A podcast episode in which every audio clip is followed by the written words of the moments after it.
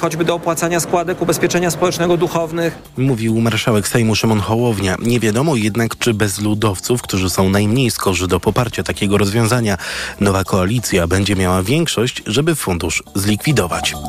Francuzi wyszli na ulicę, by protestować przeciwko decyzji parlamentu w sprawie zaostrzenia prawa migracyjnego. Deputowani Zgromadzenia Narodowego przyjęli nowe przepisy we wtorek. Przygotowany przez 18 miesięcy dokument przewiduje m.in. utrudnienia w uzyskiwaniu francuskiego obywatelstwa i dostępie do świadczeń socjalnych. Cezary Jaszczyk. Ustawa zakłada też deportację dla cudzoziemców bez francuskiego obywatelstwa, skazanych na więcej niż 3 lata więzienia. Zaostrza łączenie rodzin i wydłuża czas na uzyskanie prawa do pomocy społecznej. Nie przyjechaliśmy tu z własnej woli. W momencie, gdy Francja potrzebowała pracowników, sami przyjeżdżali ich szukać. Mimo naszej pracy wielu z nas wciąż ma nieuregulowaną sytuację prawną. Mówiła jedna z protestujących w Paryżu. Już po głosowaniu nad nową ustawą prezydent Emmanuel Macron skierował ją do Rady Konstytucyjnej. Ta ma miesiąc na stwierdzenie, które przepisy łamią ustawę zasadniczą. Z ostatnich sondaży wynika, że prawie 3 czwarte Francuzów jest zdania, że bezpieczeństwo państwa jest ważniejsze niż indywidualne prawa cudzoziemców. 60% jest za likwidacją automatycznego przyznawania obywatelstwa dzieciom urodzonym we Francji. Cezary Jaszczyk, TOK FM. 11 osób minionej doby próbowało przedostać się przez białorusko-polską granicę, poinformowała Straż Graniczna.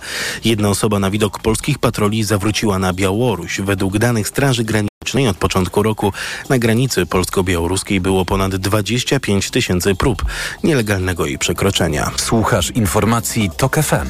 Teraz ważne informacje dla pasażerów komunikacji miejskich. Jutro w większości dużych miast komunikacja będzie kursować według świątecznego rozkładu jazdy. W stolicy metro do godziny 15 będzie kursowało zgodnie z niedzielnym rozkładem, potem co około 7 minut. Autobusy będą kursowały według świątecznego rozkładu, a tramwaje według rozkładów specjalnych. Tyle stolica w Poznaniu. Większość linii tramwajowych i autobusowych dziennych kursować będzie do godziny 16. Później będzie jeździć komunikacja nocna. Podobnie wyglądają rozkłady w Gdańsku, Krakowie i Wrocławiu. W domach trwają ostatnie przygotowania do Wigilii i Świąt Bożego Narodzenia. Także w domach pomocy społecznej wszystko dopinane jest na ostatni guzik, by podopieczni czuli się jak w domu rodzinnym. Agnieszka Wynarska. W Domu Pomocy Społecznej Jesień Życia w Bydgoszczy Święta Bożego Narodzenia spędzi ponad 70 osób. Tylko nieliczni wyjadą do swoich rodzin. W kuchni unosi się zapach świątecznych potraw. Mamy tak, pstrąga w galarecie, karpia, mamy dodatkową rybkę, bo nie wszyscy u nas mieszkańcy jedzą karpia. Barszczyk, krokieciki są, pierogi są, kompocik jest z suszu. Wszyscy starają się, by atmosfera była rodzinna, choć jak mówi dyrektorka domu Katarzyna Salecka, bywa też ciężko. Jest wiele takich osób, które są samotne. Tej rodziny albo już nie ma, albo są te kontakty zerwane. Szczególnie w tym okresie wigilijnym, świątecznym ta samotność jest najtrudniejsza. W Polsce co trzecia osoba powyżej 75 roku życia mieszka sama. Z Bydgoszczy Agnieszka Wynarska, TOK FM. Kolejne informacje w TOK FM o 10.20. Teraz prognoza pogody. Pogoda. A dzisiaj niestety pochmurno w całym kraju, możliwe opady śniegu w całej Polsce, tylko na północnym wschodzie i w centrum możliwe rozpogodzenia. Termometry pokażą od 1 do 3 stopni Celsjusza. Wiatr będzie wiać z kierunków zachodnich, będzie on umiarkowany i dość silny w porywach na wschodzie do około 70 km na godzinę, a nad morzem do około 80. Radio TOK FM. Pierwsze radio informacyjne. Młoda Polska.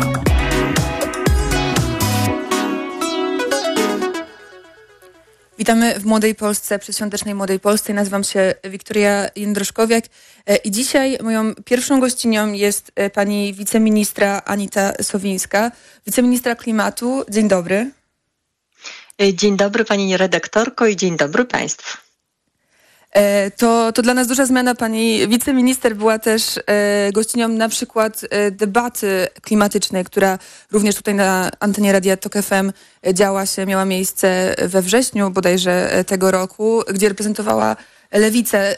No właśnie, to duża zmiana i zastanawiam się, jakie są takie pierwsze rzeczy, które są dla Pani najważniejsze w pracy, w tej nowej pracy, w nowej pracy w ministerstwie.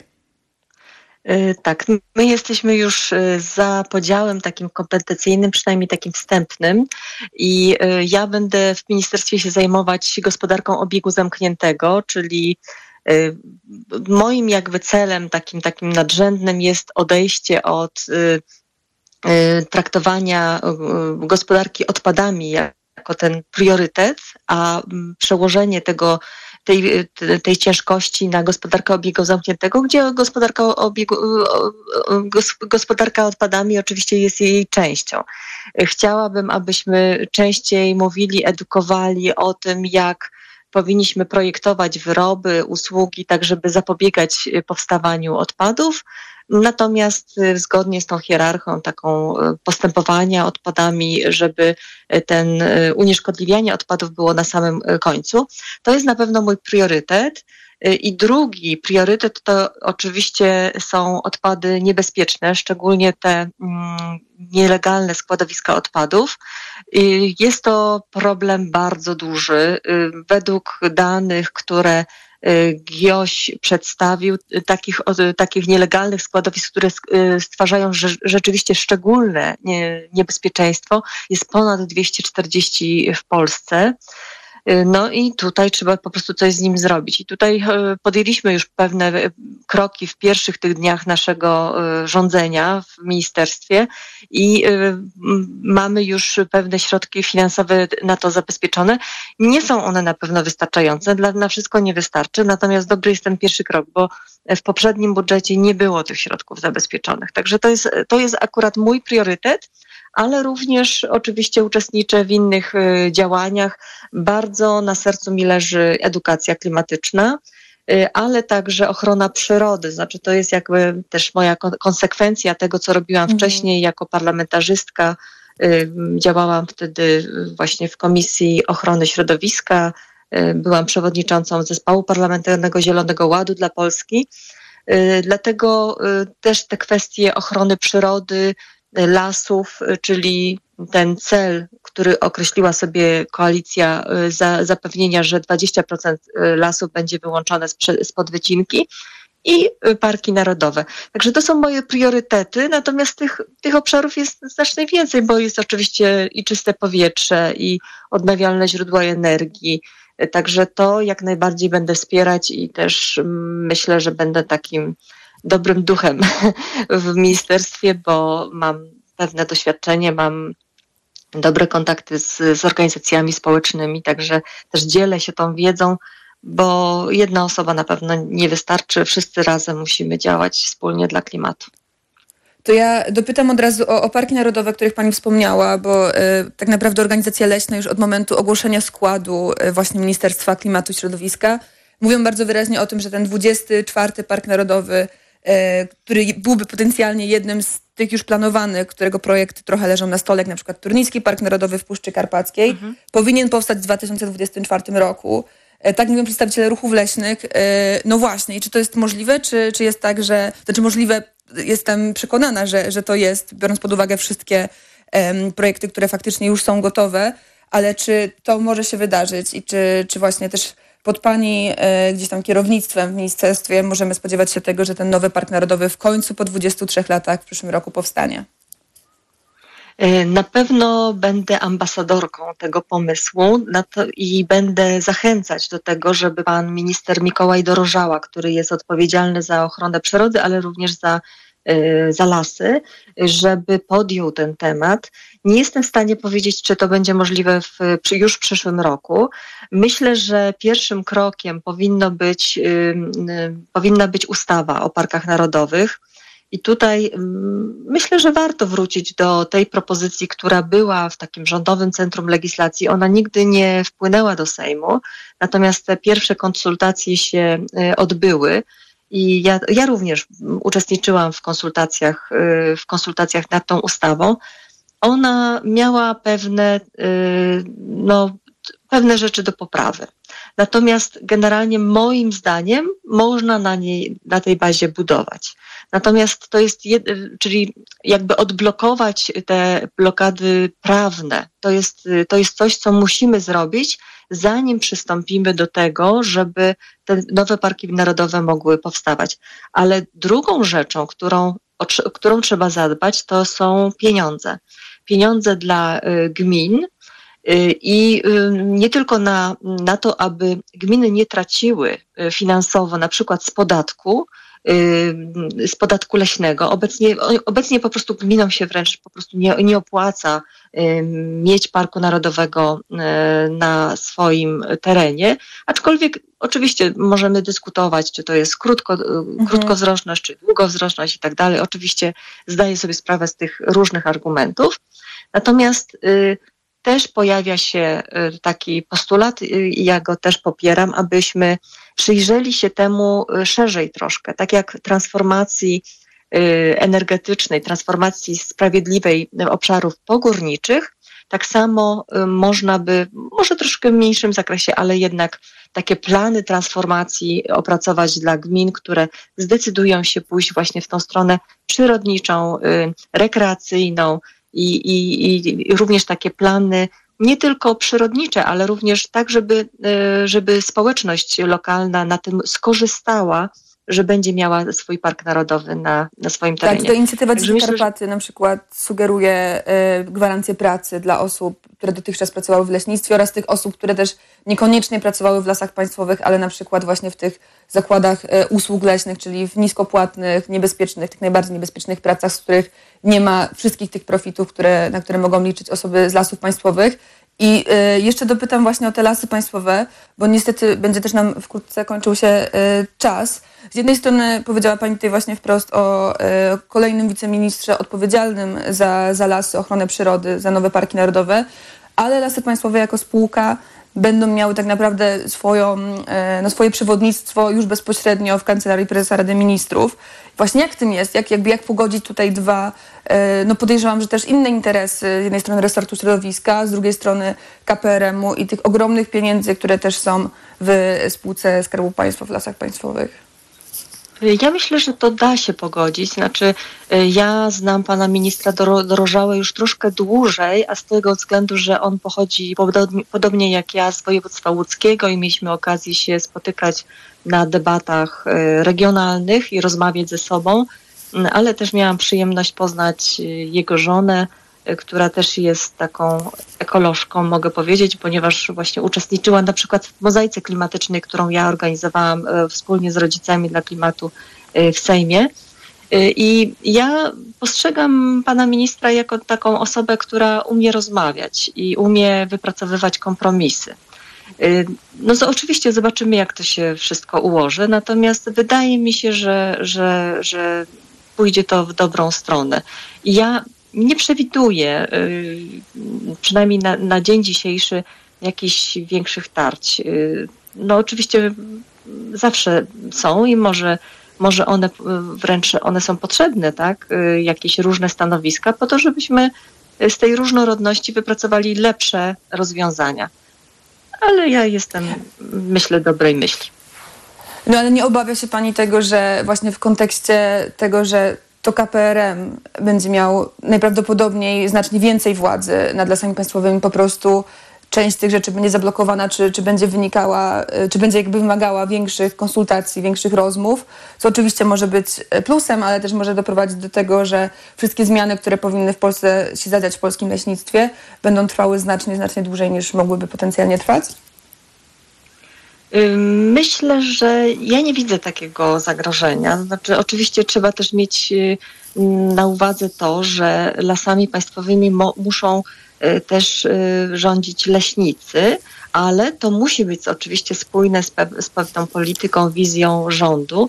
I, I tutaj uważam, że ta wspólna wizja jest opracowana. Znaczy, my mamy jasno określony cel, który jest ambitny, te wyłączenie 20% lasów. Ja sobie wyobrażam, że te lasy będą głównie powstawały wokół miast, tak aby tworzyć taką otoczkę, zielone płuca miast, ale też, że leśnicy będą o nie dbać i nie, nie tylko one zostaną jakby wyłączone z wycinki, ale także będziemy dbać o nie pod względem na, na przykład renaturyzacji i i zadbania, aby, mm, aby była, była retencjowana woda w tych, w tych lasach. Także tu wyzwania te takie przyrodnicze, w końcu musimy do, do, doprowadzić do tego, aby lasy spełniały nie tylko e, przede wszystkim funkcję gospodarczą, ale e, także funkcję przyrodniczą i społeczną. Uważam, że te trzy cele trzeba pogodzić, tak żeby one były równoważne i aby funkcja gospodarcza nie była nadrzędna.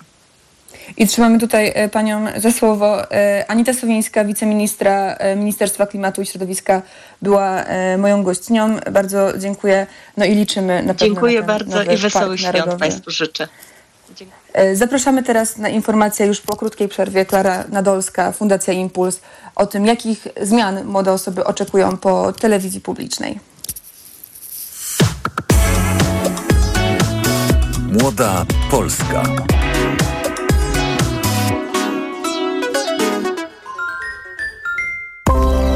W wannie. Na poważnie. W windzie. Z lampką wina w ręce. Albo wcześnie rano. Pod kocem. Po prostu. Lubimy czytać. Poczytalni. Radiowy klub książki TOK FM. Już dziś po 17.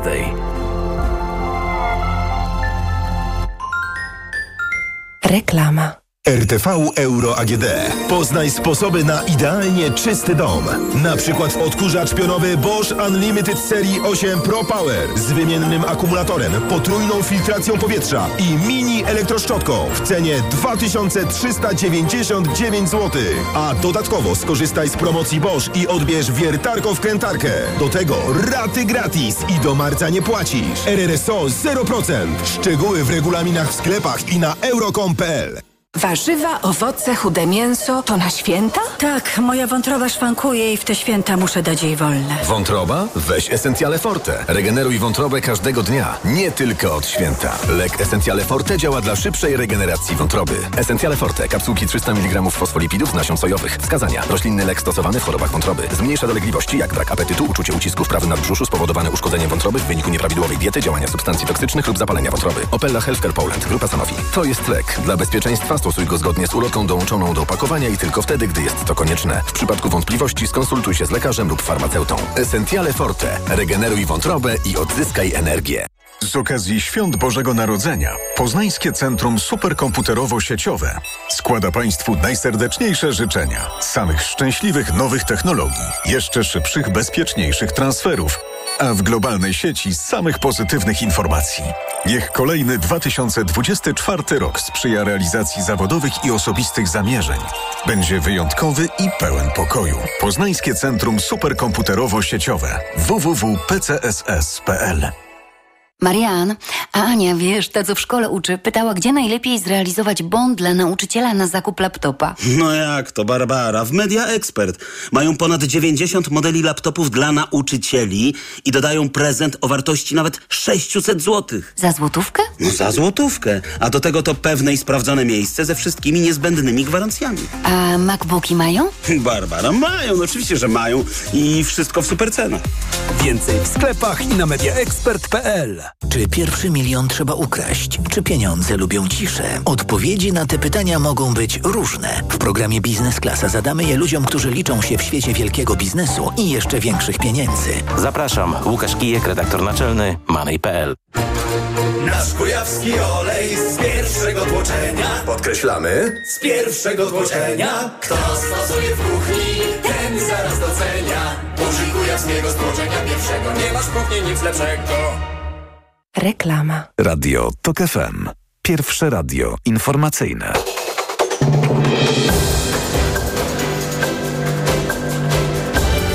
Jest 10.20.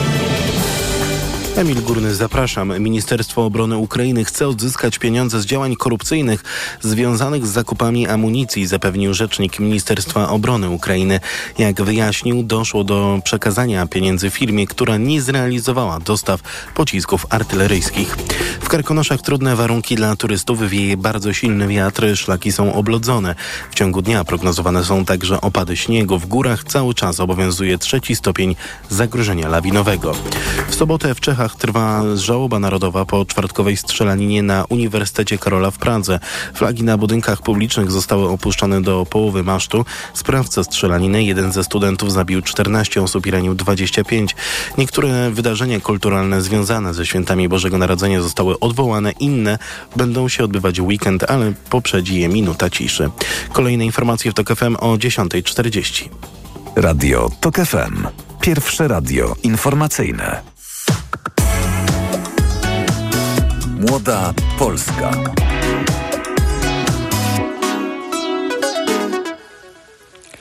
Wracamy do Młodej Polski, Wiktorii Doszkowek, a ze mną jest już Klara Nadolska z Fundacji Impuls, aktywistka, która e, ostatnio zajęła się tematem tego, co faktycznie powinno pojawiać się w mediach publicznych lub tego, czego młode osoby oczekują, e, by zobaczyć w chociażby TVP. E, I właśnie o tym porozmawiamy. Porozmawiamy o tym, e, czy to jest tak, że te młode osoby, które często nie pamiętają telewizji publicznej sprzed 8 lat, mają trochę inne oczekiwania, ale też o tym samym całym procesie, który teraz dzieje się wokół mediów publicznych. Dzień dobry. Dzień dobry, szanowni państwo, dzień dobry. Bardzo mi miło.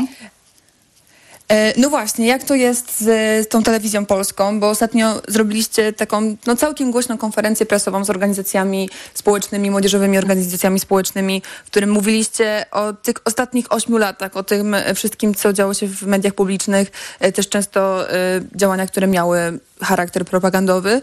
Ale zastanawiam się, już trochę odchodząc i rozumiejąc to, że te 8 lat było zmarnowanych, jeśli chodzi o, o rozwój tych mediów, Czego oczekujecie w zamian i jakie, jak te media powinny wyglądać dzisiaj? No więc tak, ta konferencja miała służyć przede wszystkim temu, żebyśmy nie zapomnieli, w jaki sposób była prowadzona narracja przez e, media publiczne. W tym przypadku akurat była to telewizja publiczna. Pokazaliśmy paski, które pokazywały przede wszystkim taką no, mowę nienawiści, hejtu, która była stosowana przez e, telewizję publiczną, po to, żeby e, uświadomić, wydaje mi się, widzów, słuchaczy, w ogóle obywateli, um, że w Polsce no, doszło do takiego momentu, gdzie pewne grupy społeczne były po prostu szykanowane. My w tej konferencji też chcieliśmy pokazać, że nie jesteśmy obojętni, że jako młode osoby chcemy brać udział w debacie publicznej, chcemy być słyszani, chcemy, żeby nas głos był usłyszany. E, no i oczywiście mamy pewne oczekiwania. E, wśród tych oczekiwań jest przede wszystkim to, żeby zmienić typ narracji, e, żebyśmy przeszli na taką e, rozmowę e, z szacunkiem i z, po prostu z poszanowaniem każdego obywatela, niezależnie od jego poglądów politycznych. No i oczywiście chcemy takiego zaangażowania, tak, czyli żeby nie odpychać tych spraw młodych na bok, tylko żeby one były widoczne i słyszalne. No właśnie i zastanawiam się, bo e, te wszystkie e, gdzieś tam cele, o których mówisz, one są bardzo szlachetne i wydaje mi się, że, że oczywiście to jest kierunek, w którym myślę, że, że mało kto tak na papierze zgodziłby się, że powinniśmy iść. No ale jednak coś poszło nie tak. I zarówno 8 lat temu i te przez te wszystkie lata ale też zastanawiam się, jak oceniacie tą sytuację teraz, jak oceniacie przyjęcie telewizji publicznej i jak oceniacie te zmiany, które się zadziały oraz jakby styl, w jakim zostało to zrobione. E, no i też to, czy to jest Twoim zdaniem początek takich mediów, które faktycznie mają szansę być demokratycznymi mediami, które nie będą, no oczywiście trudno gdzieś tam aspirować do tego poziomu propagandy, który dział się tam przez ostatnie 8 lat, ale też czy nie powinniśmy e, trochę bardziej ostrożnie patrzeć na tą propagandę, która być może nie jest wypowiedziana wprost, a może być gdzieś tam ukryta między słowami. Tak, oczywiście e, no zawsze istnieje takie ryzyko, dlatego e, niezależnie od tego, kto e, będzie prowadził telewizję publiczną czy media publiczne, zawsze będziemy patrzeć na ręce. Od tego są organizacje obywatelskie. My, młodzi ludzie, wydaje mi się, że teraz obecnie mamy taki przekaz, aby te wszystkie media były bardzo jawne, rzetelne, obiektywne i do tego dążymy. Co do tego przyjęcia obecnie telewizji publicznej. Osobiście nie jestem prawnikiem, więc nie będę się wypowiadać na temat e, tej luki prawnej, która została wykorzystana. Mhm. Natomiast wydaje mi się, że mogę się odnieść do stanowiska Helsińskiej Fundacji Praw Człowieka, mhm. która no, negatywne stanowisko pokazała, czy, że tak powiem, tym oświadczeniu prezentowała. Tak, to co no, pisze Helsińska Fundacja że... Praw Człowieka, ja tylko zacytuję tutaj, żeby nasi, nasi nie, na, na, nasze osoby, które odbierają ten program usłyszały, że Helsińska Fundacja Praw Człowieka mówi wprost, nie możemy jednak nie zauważyć, że sposób rozpoczęcia zmian w mediach publicznych budzi poważne wątpliwości prawne. To jest oczywiście opinia dotycząca tych rzeczy, które dzieją, dzieją się już e, po zawiązaniu rządu Donalda Tuska. Tak, więc właśnie nawiązując do tego, powiem e, szczerze tak. Mieliśmy przez 8 lat telewizję publiczną, która e, była tak naprawdę bezprawiem, tak? Tak naprawdę nie realizowała swoje zadania. Przede wszystkim była partią no, była telewizją partyjną tak naprawdę. Teraz oczekujemy od niej, żeby od tego odesz odeszła. Z tego, co widziałam, jak oglądałam pierwsze wydanie wiadomości, które już się tak nie nazywają. 19.30. No i jeszcze tak, 19.30. E, oczekujemy, e, faktycznie no, to była pierwsza ich premiera.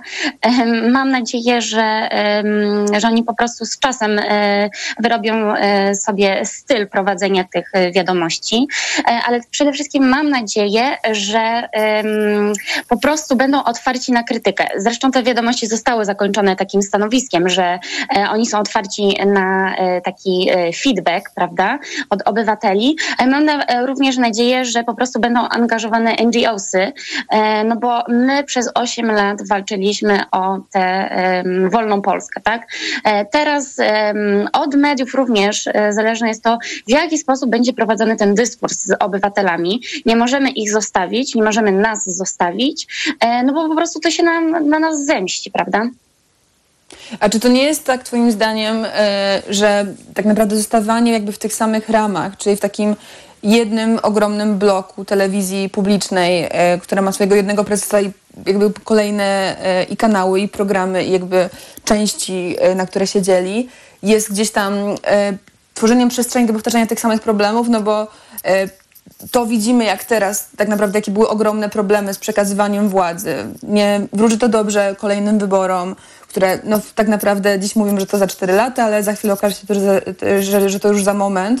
I zastanawiam się, czy to nie jest tak, że powinniśmy bardziej zdywersyfikować to, jak same media działają, nie tylko jakby sposób ich zarządzania. Nie, nie chodzi mi o tworzenie nowych rad, jak na przykład Rada Mediów Narodowych i tak dalej. Chodzi mi bardziej o to, by bardziej podzielić to i, i by zastosować jakieś takie zmiany na poziomie powiedzmy tego całego systemu medialnego a nie tylko i wyłącznie zmieniać właśnie tą narrację, która i tak jest e, wynikiem potem tego, czego chce dana władza lub czego chcą też obywatele. No, nie? nie powinno być tak, że media publiczne są tylko i wyłącznie odpowiedzią na jakieś potrzeby rozrywkowe, powiedzmy, obywateli i obywatelek. Mhm.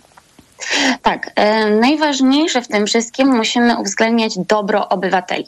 Media publiczne, jak sama nazwa, nazwa wskazuje, są dla obywateli. E, no, musimy też patrzeć, e, więc muszą uwzględniać każdego obywatela, niezależnie ile ma lat, jakie jest płci jakie ma poglądy. To jest bardzo ważne.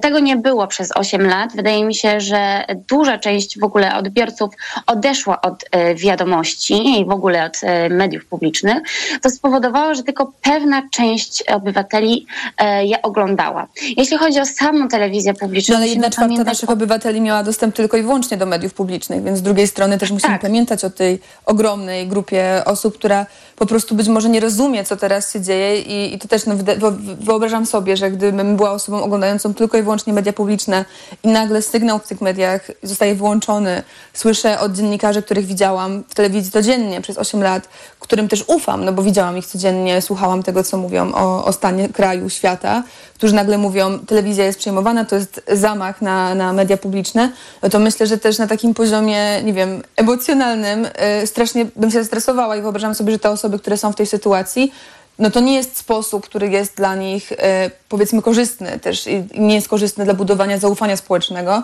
No a to właśnie, o to też właśnie apelujecie, tym powinniśmy się zająć. Tak.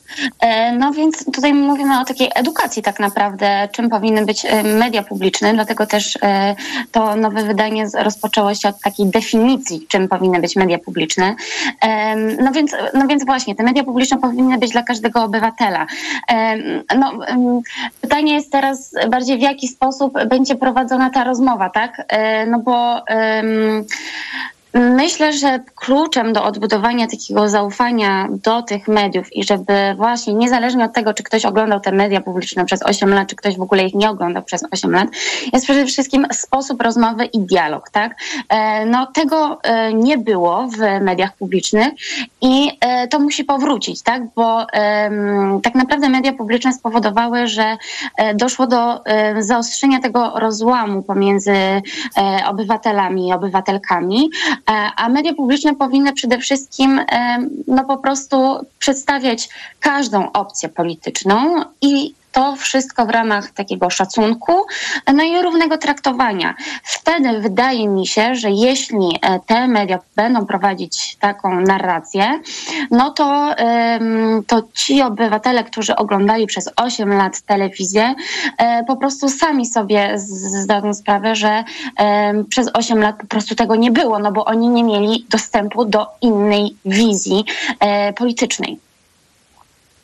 No właśnie, wydaje mi się też, że już trochę odchodząc od, od tego tematu e, kontrastu i zmiany, która będzie się dziać, bo mam wrażenie, że też e, to, co w mediach działo się przez ostatnie lata, nie jest e, gdzieś tam dobrym odniesieniem, no nie? Wydaje mi się, że faktycznie powinniśmy mierzyć wyżej. Jak ty wyobrażasz sobie takie prawdziwe włączenie tematów młodych ludzi? Czy to powinny być osobne programy, czy to powinny być, nie wiem, gwarantowany czas antenowy dla organizacji pozarządowych? Jakie są takie bezpieczniki e, albo, albo nawet być może marzenia, no nie? Które też, też ty i twoi koledzy macie w kontekście e, no właśnie funkcjonowania nowych mediów publicznych, bo też przypomnijmy, to nie tylko Telewizja Polska, e, to zaraz e, też przecież Polskie Radio, to zaraz chociażby PAP i to w jaki sposób będą przekazywane informacje no, przez największą agencję prasową w Polsce do wszystkich redakcji, co jest niesamowicie istotne przy działalności społecznej. Mhm. Więc ja powtórzę trzy razy jedno słowo edukacja, edukacja, edukacja. E, tak naprawdę e, to, E, na czym nam zależy, to przede wszystkim rozmowa z szacunkiem z każdym obywatelem i e, rozszerzenia tej działalności. Pamiętajmy, że e, w ogóle telewizję publiczną nie oglądają młode osoby, czy w małym procencie. Więc wydaje mi się, że poza tym, że powinny być po prostu na przykład w, w wiadomościach część na przykład na temat NGO-sów, na temat działalności młodych osób, żeby pokazać, że my nie jesteśmy obojętni. Pamiętajmy, że my wzięliśmy w ponad 70% udział w tych wyborach. Nie, e, e, sprawy polskie są dla nas bardzo ważne. Przede wszystkim też e, media publiczne powinny się rozszerzyć na same młode osoby, tak? Czyli nie wiem, prowadzić podcasty dotyczące ważnych kwestii dla młodych osób, prowadzić media społecznościowe, tak by były one po prostu atrakcyjne, by ta wiadomość nie była czymś takim szorstkim, tylko żeby młodzi ludzie widzieli, e, że e, wśród swoich rówieśników ludzie interesują się takimi ważnymi kwestiami. Tutaj e, na przykład mowa o klimacie, ale również mowa o praworządności, mowa o wolności słowa, o równym traktowaniu i tak dalej, i tak dalej. Więc być może właśnie sama wiadomości są przede wszystkim o tym, żeby informować, tak? Wydaje mi się, że sam program program, a oczywiście byłoby to świetne. Myślę, że każda młoda osoba um, chciałaby po prostu e, usłyszeć o swojej, um, o swojej fundacji czy o swojej działalności, ale wydaje mi się, że przede wszystkim informacja o tym, że istnieją e, pewne fundacje, które działają w takim i takim zakresie, bo już wtedy obywatel, oglądając czy słysząc takie wiadomości, będzie mógł się odnieść do tej fundacji i sam już poszukać e, dalszej informacji.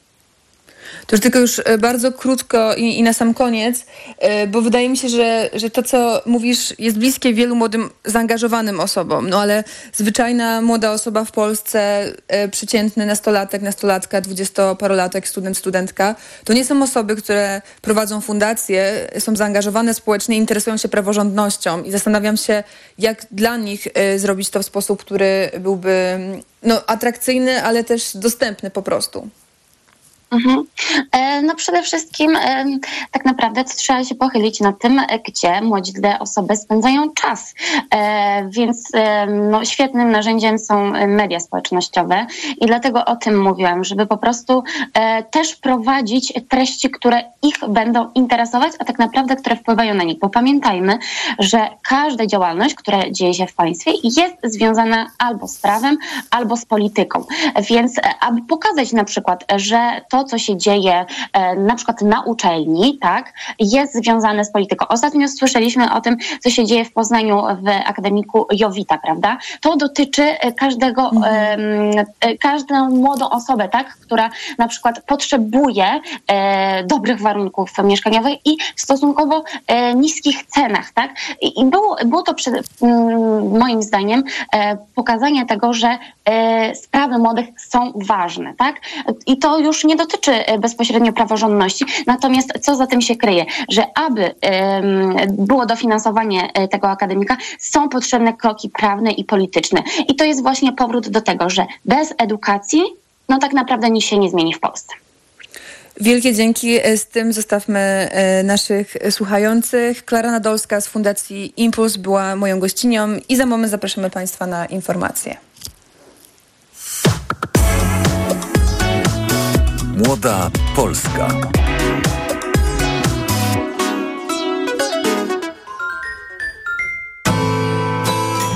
Muzyka między słowami.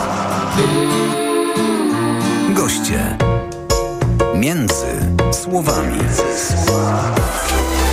W każdą sobotę od 20. Między słowami.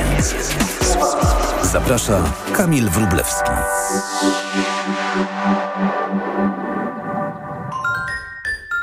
Reklama. Teraz w euro świąteczne okazje na produkty objęte akcją. Tylko do jutra. Smartfon Xiaomi Redmi Note 12S. Najniższa teraz ostatnich 30 dni przed obniżką to 999. Teraz za 899 zł.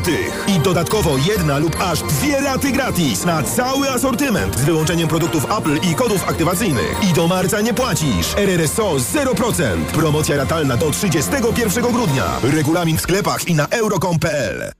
Jeśli Twoja córka lub syn ma 12 lub 13 lat, możesz zaszczepić ich bezpłatnie przeciwko HPV. To bezpieczne i skuteczne. Twoje dziecko. Bezpieczne teraz, bezpieczne w przyszłości. Kampania Ministerstwa Zdrowia. Ho, ho, ho! W Time Trend są prezenty, na które warto czekać. Skorzystaj z podwójnych rabatów w aplikacji Time to Reef i podaruj wyjątkowy zegarek na święta. Sprawdź w salonach i na timetrend.pl. Wyborcza na święta. Rodzina Makłowiczów szykuje idealne święta. Zbigniew Preisner o ukochanym kocie, choince, przyjaciołach i muzyce oraz opowiadanie Adama Wajraka na gwiazdkę. Już dziś Wyborcza na święta. Od czwartku do soboty trwa przedświąteczny super weekend w Carrefourze, a w nim mnóstwo super ofert. Na przykład wybrane ekstra zabawki aż do 50% taniej. Skorzystaj, to ostatni moment, aby kupić prezenty. Oferta ważna do 23 grudnia. Przeceny na święta w Media Expert. Smartfony, laptopy, telewizory, ekspresy do kawy, odkurzacze bezprzewodowe, pralki i zmywarki w super niskich cenach. Dzisiaj sklepy Media Expert są otwarte dłużej.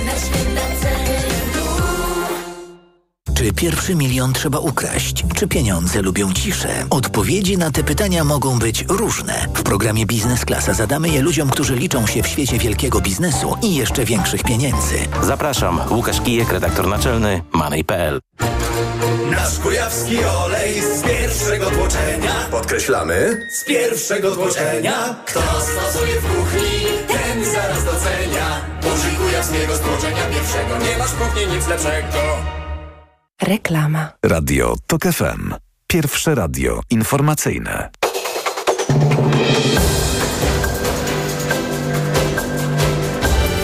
Jest 10.40. Emil Górny, zapraszam. Tylko w ciągu minionej doby strażacy odnotowali blisko 3200 interwencji związanych z silnym wiatrem oraz intensywnymi opadami deszczu i śniegu. Najtrudniejsza sytuacja była w zachodniopomorskim i w Wielkopolsce. W powiatach nadmorskich od Świnoujścia po Trójmiasto na północy warmińsko-mazurskiego oraz w Kotlinie Kłodzkiej obowiązują dziś alerty pierwszego stopnia przed silnym wiatrem. Koleje małopolskie od wtorku przywrócą na sezon zimowy z myślą o turystach pociąg sezonowy Lux Torpeda z Krakowa Głównego do Zakopanego. Ze stolicy Małopolski skład wyruszy o 6.13, a pod Tatry dojedzie o 9.11. W drogę powrotną z Zakopanego odjedzie o 18.52. Wyjątkowo w święta w Białostockiej jadłodzielni można przynosić nie tylko produkty spożywcze, ale też świąteczne potrawy. Chodzi o to, by podzielić się jedzeniem z potrzebującymi i nie marnować żywności, informują pracownicy jadłodzielni. W związku ze świętami Bożego Narodzenia miejsce będzie też czynne w Wigilii i dwa świąteczne dni w godzinach od 18 do, do, od 10 do 18. Kolejne informacje w TOK FM o 11. Radio TOK FM. Pierwsze radio informacyjne. Młoda Polska.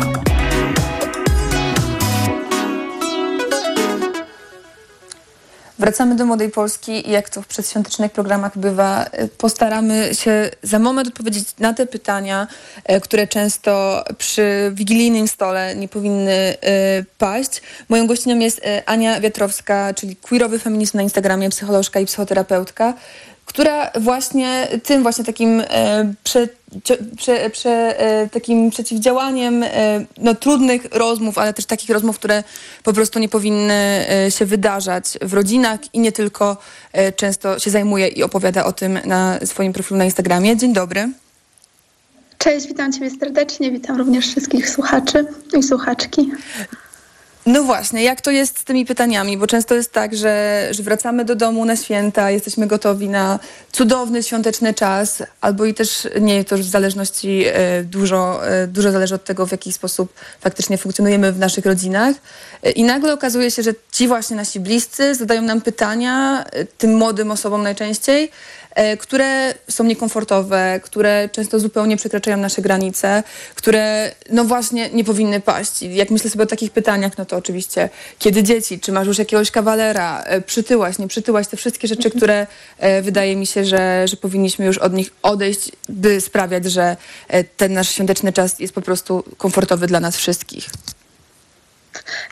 Tak, święta to jest definitywnie taki czas takiego międzypokoleniowego dialogu, a my mamy tego mało w społeczeństwie, w takim sensie, że mamy mało szans, żeby sobie pogadać w taki jakościowy sposób młode osoby z osobami starszymi.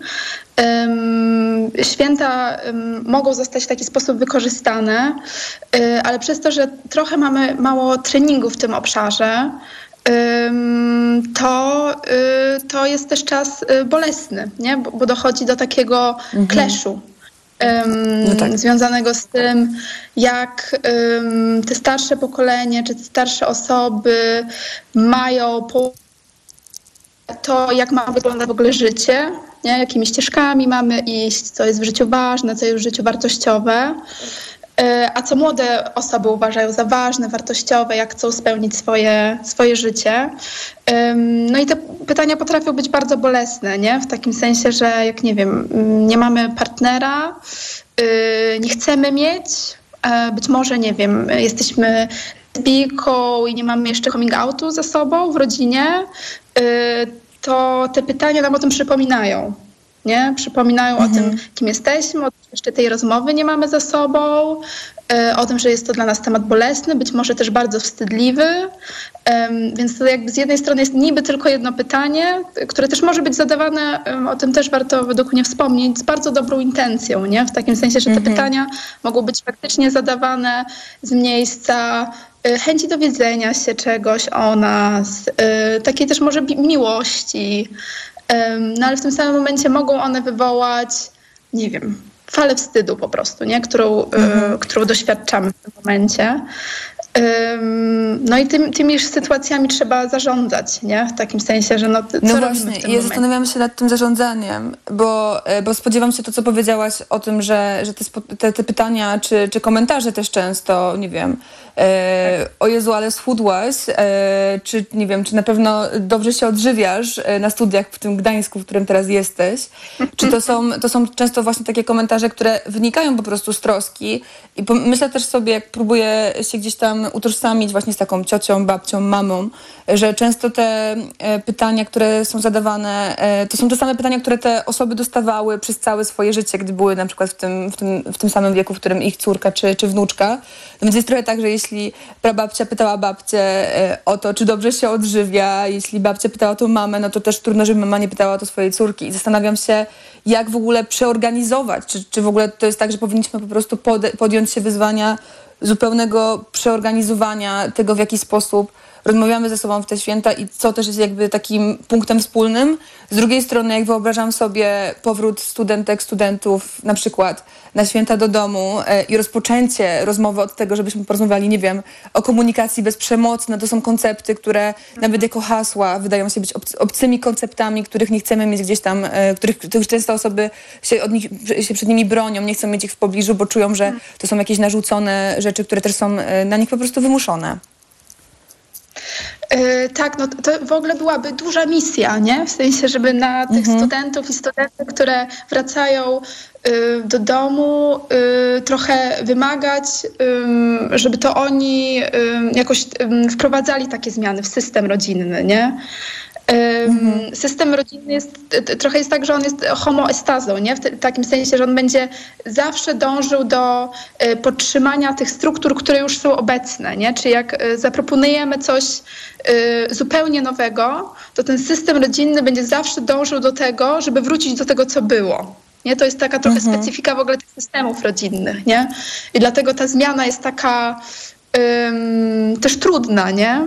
Mm, ja sobie, mhm. jak sobie ciebie słuchałam, to pomyślałam o tym, y, że w takich rozmowach rodzinnych warto jest się skupiać nie na tym, co nas dzieli, czyli nie na tym um, właśnie, że możemy postrzegać inaczej e, nie wiem, kwestie właśnie, nie wiem, schudnięcia, jedzenia i tak dalej, może mieć zupełnie inną wartość dla nas, ale na, tych, co, na, na tym, co nas łączy.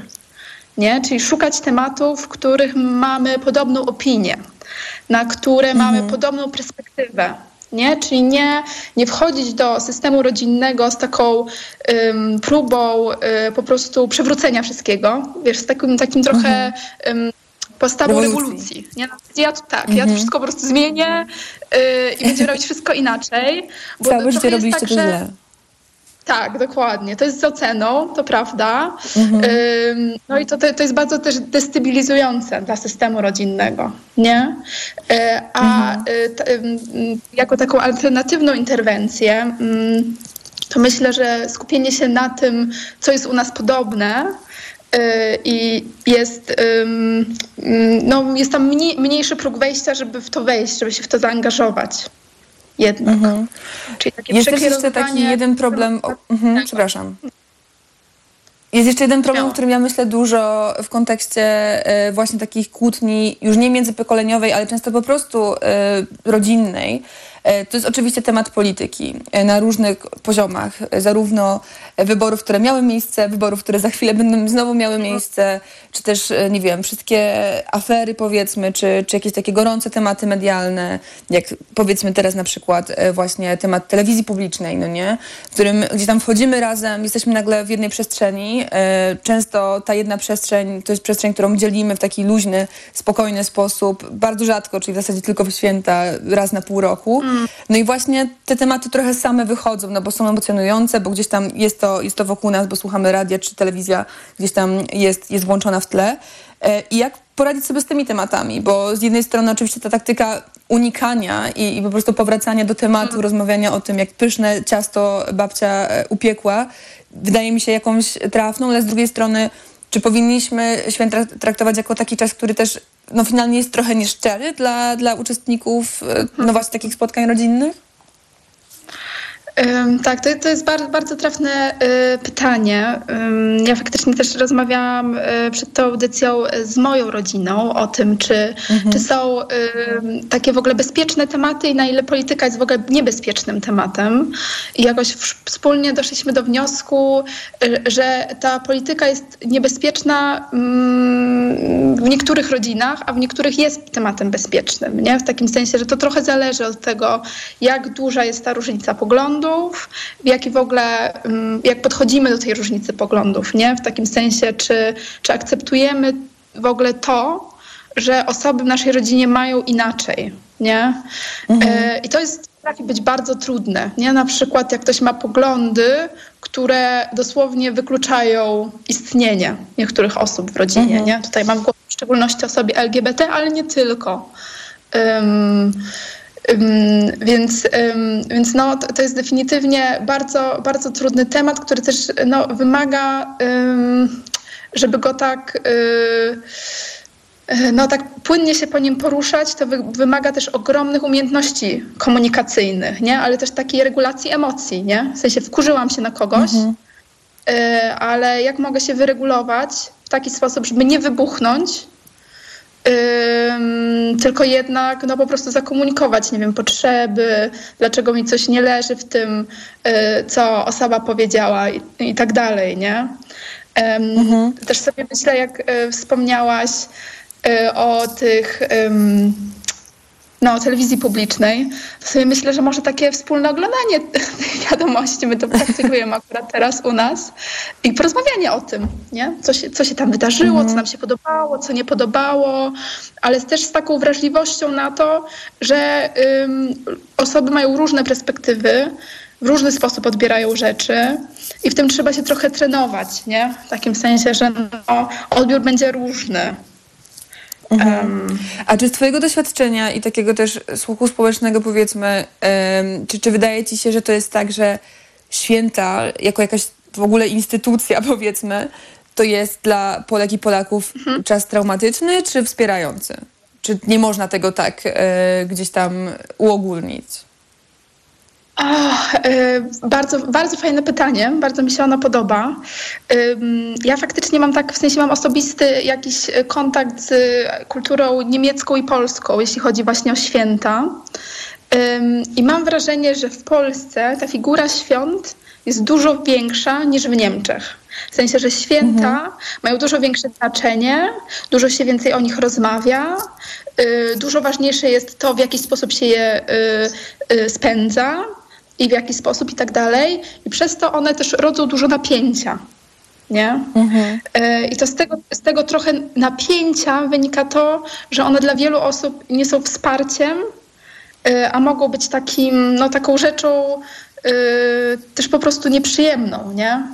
Mhm. Chociaż też tak sobie myślę, że no, co roku staramy się, żeby było inaczej. Przynajmniej trochę, nie? Co roku coraz więcej ro, o, o, rodzin, nie wiem, zmienia trochę tradycje, nie? W takim sensie, że y, na przykład dochodzi do wniosku, ten opłatek mnie wkurza.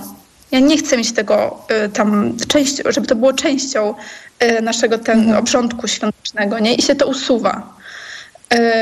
nie chcę robić 12 potraw, to jest za dużo trzeba zmniejszyć tą ilość. Może to powinny być i w ogóle inne potrawy i tak dalej, nie? W takim sensie, że odwołuje się również tej, do tej tradycji polskiej, w jaki sposób święta powinny wyglądać, bo ta tradycja polska, ona jest bardzo pracochłonna i czasochłonna, nie? I też nie, nieproporcjonalnie dużo pracy y, jest przejmowane przez kobiety, które są wtedy potem wiadomo, no zmęczone, bo nie wiem, od no tak, rano... zestresowane i bardziej być może tak. E, gotowe na kłótnie rodzinne, przez, czy, tak, czy bardziej wiem, sprowokowane do, do takiego zachowania.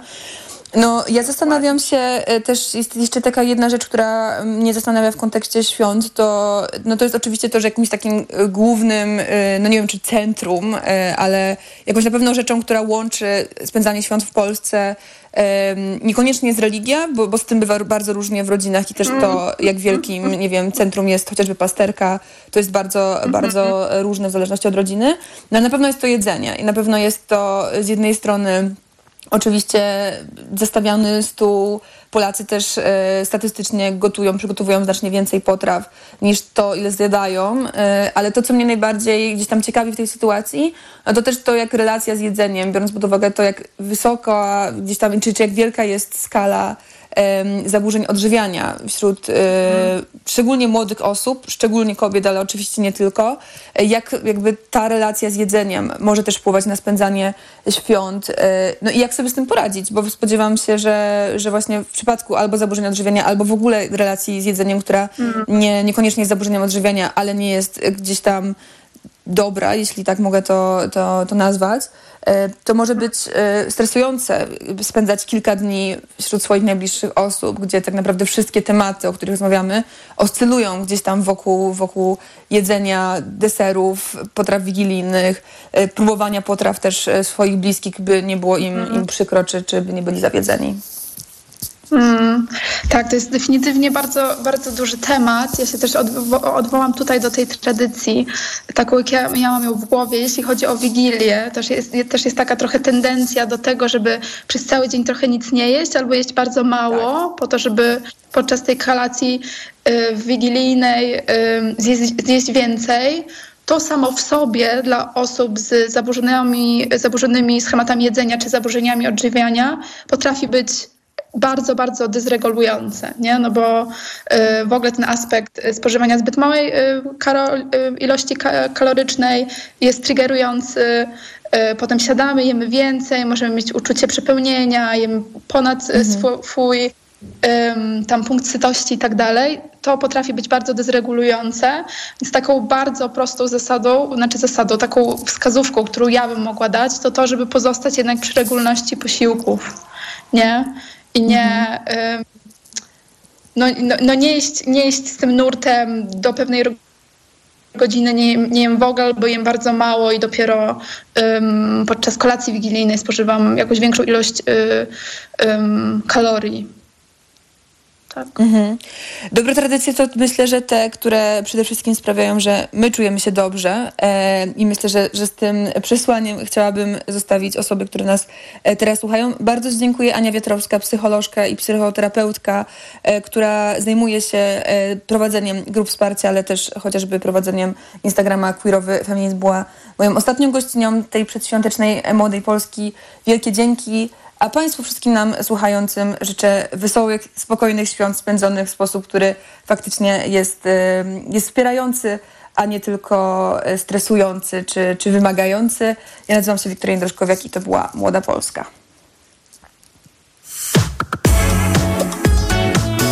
Młoda Polska. Reklama. Teraz w euro. Jedna lub aż dwie raty gratis na cały asortyment z wyłączeniem produktów Apple i kodów aktywacyjnych. I do marca nie płacisz. RRSO 0% do 31 grudnia. Szczegóły i liczba rat dla każdego wariantu w regulaminie w sklepach i na euro.com.pl. Vitrum D3 przedstawia. Idzie zima. Wraz z nią plucha. Zaraz będzie zawierucha. Nie wiem, czy to dzień, czy noc. W pracy się zawijam w koc. W koło wszyscy wciąż kichają i wirusy rozsiewają. A prognozy bezlitosne. Próżno czekać nam na wiosnę. A ja mam to w D, bo mam Vitrum D. Z suplementami diety Vitrum D3 i Vitrum Odporność jestem odporna na jesień i zimę. Vitrum D3. Witamina D od. Świąteczne odliczanie z Lidl Plus. Tylko dziś sok pomarańczowy Solewita 1 litr plus 1 gratis. Tak, 1 plus 1 gratis. Szczegóły promocji w aplikacji Lidl Plus. Rozpoczynają się święta Bożego Narodzenia teraz w Teddy. Skorzystaj szybko z aktualnej promocji i ciesz się świątecznymi oszczędnościami. Teddy oferuje teraz 30% rabatu na wszystkie artykuły LED i artykuły świąteczne. Z wyjątkiem opakowania na prezenty. Teraz 30%. Teddy pełnia pomysłów. Czy pierwszy milion trzeba ukraść? Czy pieniądze lubią ciszę? Odpowiedzi na te pytania mogą być różne. W programie Biznes Klasa zadamy je ludziom, którzy liczą się w świecie wielkiego biznesu i jeszcze jeszcze większych pieniędzy. Zapraszam, Łukasz Kijek, redaktor naczelny Money.pl. Święta w Stokrotce z aplikacją cukier 3,69 za kilogram, jeśli kupisz 5 i kawa rozpuszczalna